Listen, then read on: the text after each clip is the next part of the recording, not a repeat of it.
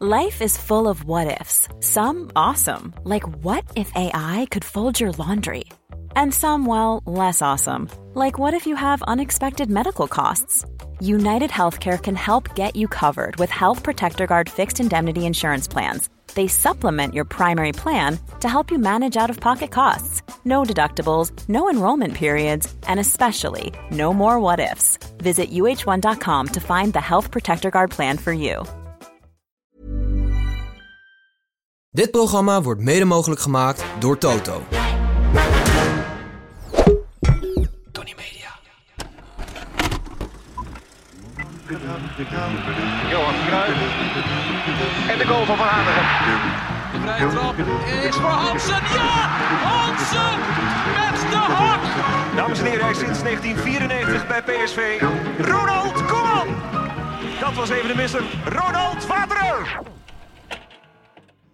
Hallo allemaal en welkom bij weer een nieuwe aflevering van het Eredivisie Erfgoed Elftal. Nog steeds de podcast waarin wij, de jongens van de derde helft, proberen het allervetste Eredivisie Elftal ooit samen te stellen. Dat doen we door middel van scoutingsrapporten. Voor iedere positie neemt ieder van ons, Snijboord, Pepijn, Tim of ik, een speler mee. En vervolgens bepalen de beleidsbepalers, de luisteraars en kijkers van de podcast, wie van de vier een basisplek krijgt in het Eredivisie Erfgoed Elftal. Vorige week Snijboon met de gorilla, met het kanon. Ja, zeker. Sneeuwvlokje.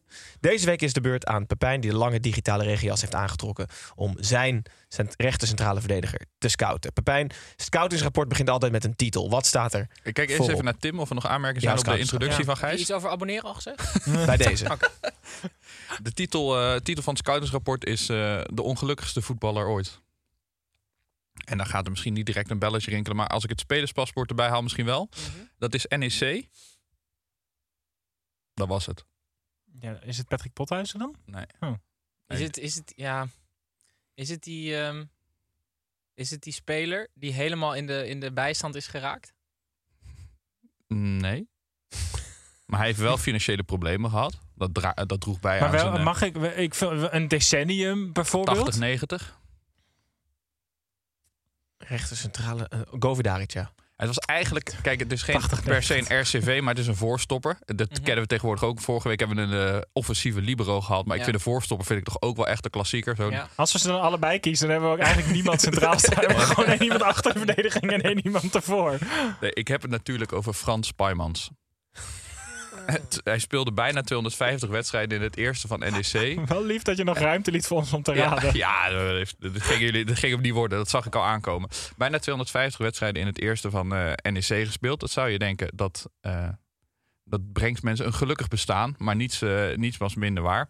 Ehm, hij had een vrij gelukkige jeugd. Hij groeide, hij groeide, op, in de buurt van, groeide op in de buurt van Os. Was een, een, niet een heel groot talent, maar vooral een hele harde werker. Zoals je wel nou, vaker ziet bij centrale verdedigers. En helemaal uit die tijd bij de iets kleinere, bij de iets kleinere clubs. Ja, een voorstopper uit de jaren tachtig. Ja, Daar kan je echt maar één beeld bij Ja, hebben. ja, nou dat, eh, dat was het. eh, Werd dat was met het open wenkbrauwen. Ja, dat. Maar ehm, hij wordt op zijn, eh, ik geloof dat ze 18e wel wordt hij naar NEC gehaald vanuit de, de amateurs van eh Os. Top Os was het eh, volgens mij, waren het in de tijd nog, nog amateurs. En het was prof, semi-prof. Hij, hij zat er een beetje tussenin. Dus hij volgde in die tijd ook nog een, een, lerarenopleiding, eh, een lerarenopleiding Duits. En ehm, Weer die Duitsers bij ja, jou. ja, ja, het is een rode draad.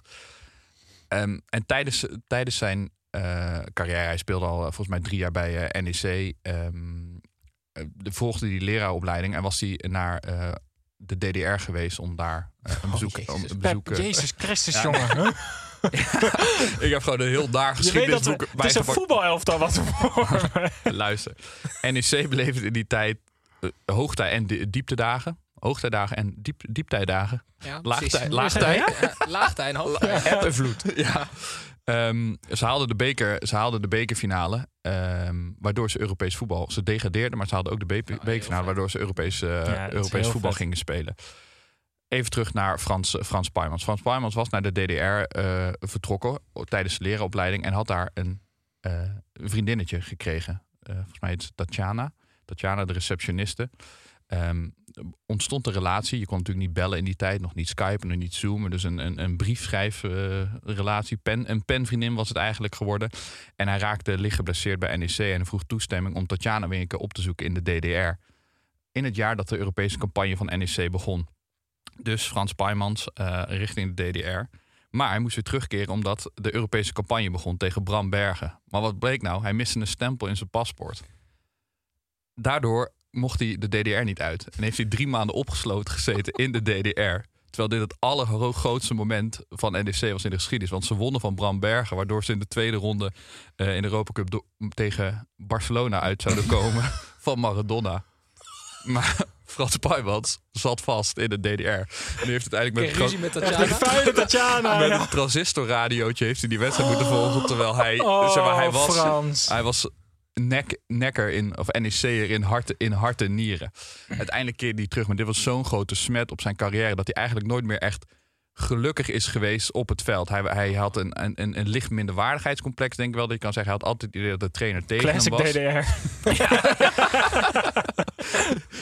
Uiteindelijk zei hij ook van, ik was eh, emotioneel zo afgestomd... dat ik uiteindelijk ook een muurtje om mezelf heb heen gebouwd. Een mooie eh, verwijzing richting, Onhandig richting, richting de muur. Ja. Ehm, hij besluit in 1985, omdat hij naast de voetballerij nog iets wilde. Hij is niet verder gegaan met die, volgens mij met die leraaropleiding. Om een café, café te kopen. Uiteindelijk werd hij daar zelf de allergrootste, de allergrootste klant. Er zijn na, na volgens mij zes, zeven jaar carrière bij NEC.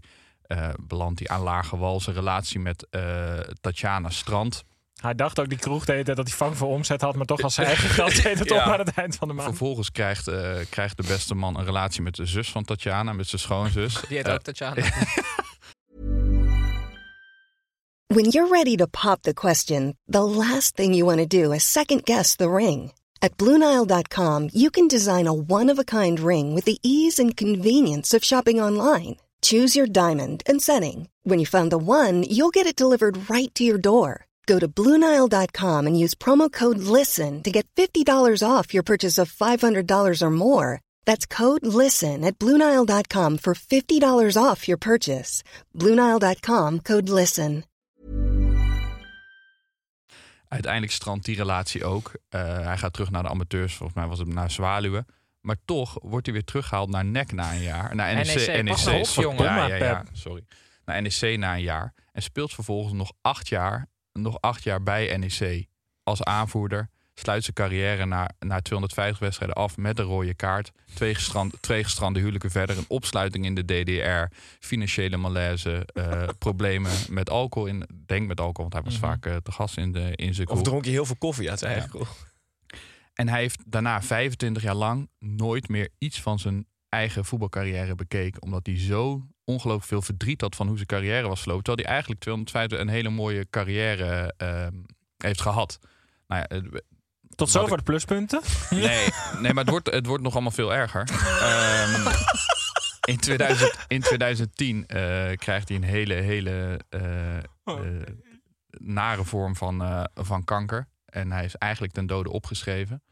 Eh, alleen met een eh, stamcel, stamceldonor kan hij het redden. Uiteindelijk een jong meisje uit Amerika die zich op had gegeven als eh, stamceldonor.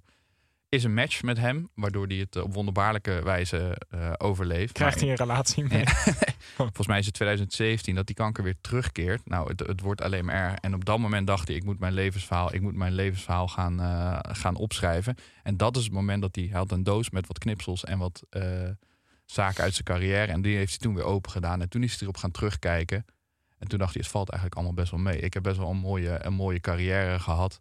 En die overwinningsdrang, die winnaarsmentaliteit die ik heb, die heeft mij ook wel zover gebracht dat ik en eigenlijk een hele mooie carrière heb gehad terwijl ik doodongelukkig was. En ik heb kanker eenmaal overwonnen en dat moet een tweede keer gebeuren. En het is hem ook een tweede maal, het tweede maal gelukt. Hij heeft erover een boek geschreven. Het is een wedstrijd. Eh, en dan wil ik ook alle luisteraars aanraden om het boek te kopen, want het wordt gebruikt eh, om uh, onderzoek. Hij leeft nog. Hij is eigenlijk weer in de bloei van zijn leven. Hij is nu eh, volgens mij NEC drie- wil hem weer terughalen. 63.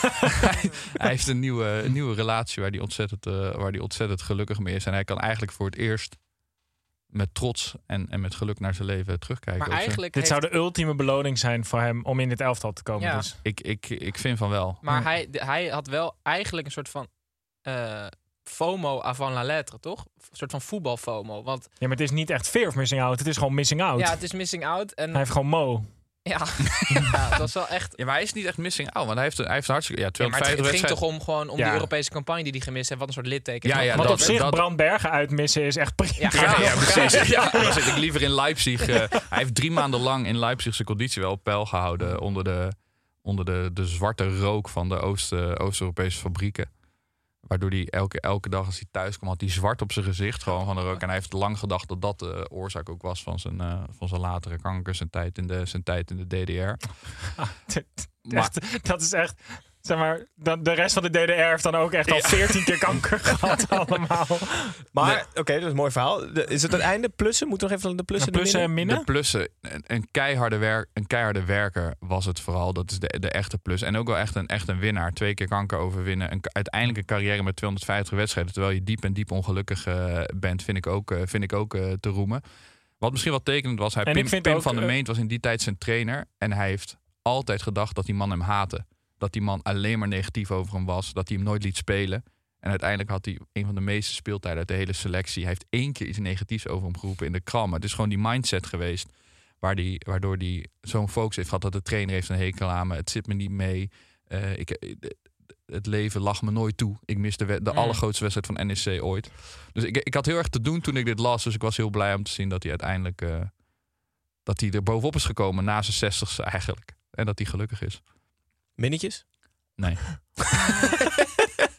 Hij is wel, hij is wel Ik zwaarmoedig. denk- Ik denk niet dat, wel ik vind niet dat we met hem ook, eh, ook een, eh, een psycholoog binnen moeten halen. Ja, het is niet, eh, denk ik, de meest eh, gezellige jonge vriend. En wat wordt zijn rond elftal? Ah, libero, Auspoetsen. Uh, Nooit libero, die hebben we al. Voorstopper. voorstopper. Ja. Mouwtjes, op, mouwtjes opstropen. Nou, en ook wel gewoon... Ik denk dat omdat hij zijn geluk echt hervonden heeft... kan hij dat ook natuurlijk wel uitstralen op de rest van de Ja, selectie. Stukje, le- stukje levenservaring. Ja, levenservaring. Heel goed. Duidelijk. Leuk. Dankjewel, Pep. Frans Nou, Pijmans. leuk, interessant. Interessant, Frans. Pijmans. Ik had nog nooit van de beste man gehoord. Ik ook Nee. niet, Frans Paijmans. En bij deze Frans, als je het hoort, dit is ook een, Een, mooi, een kleine ode. een kleine ode. Ja. Ja. Überhaupt is de uitverkiezing al. Zoals Matthijs van Nieuwkerk zou zeggen, een klein monumentje, toch? Zeker. Nee, godverdomme! Oké jongens. Pepijn, dankjewel. Tot zover de kans om hem een keer uit te nodigen. Pepijn, dankjewel voor het meenemen van Frans Pijmans. Ehm, we hebben inmiddels twee rechtscentrale verdedigers gehad. Volgende week, Tim, heb jij de lange digitale regia's aan voor jouw Kleine, rechtscentrale kleine verdediger. sneak preview. Kleine sneak preview. Ongrijpbare wereld. Ongrijpbare wereld, zeg. Kijk. Het wordt waarschijnlijk de allervetste aflevering ooit, jongens. Je weet het, Tim is namelijk aan het woord. Ehm Pepijn, dankjewel, jongens. Dankjewel voor het aanschuiven. Kijkers, luisteraars, bedankt. Hopelijk tot volgende week. En in de tussentijd nog steeds gratis abonnementen. Doei!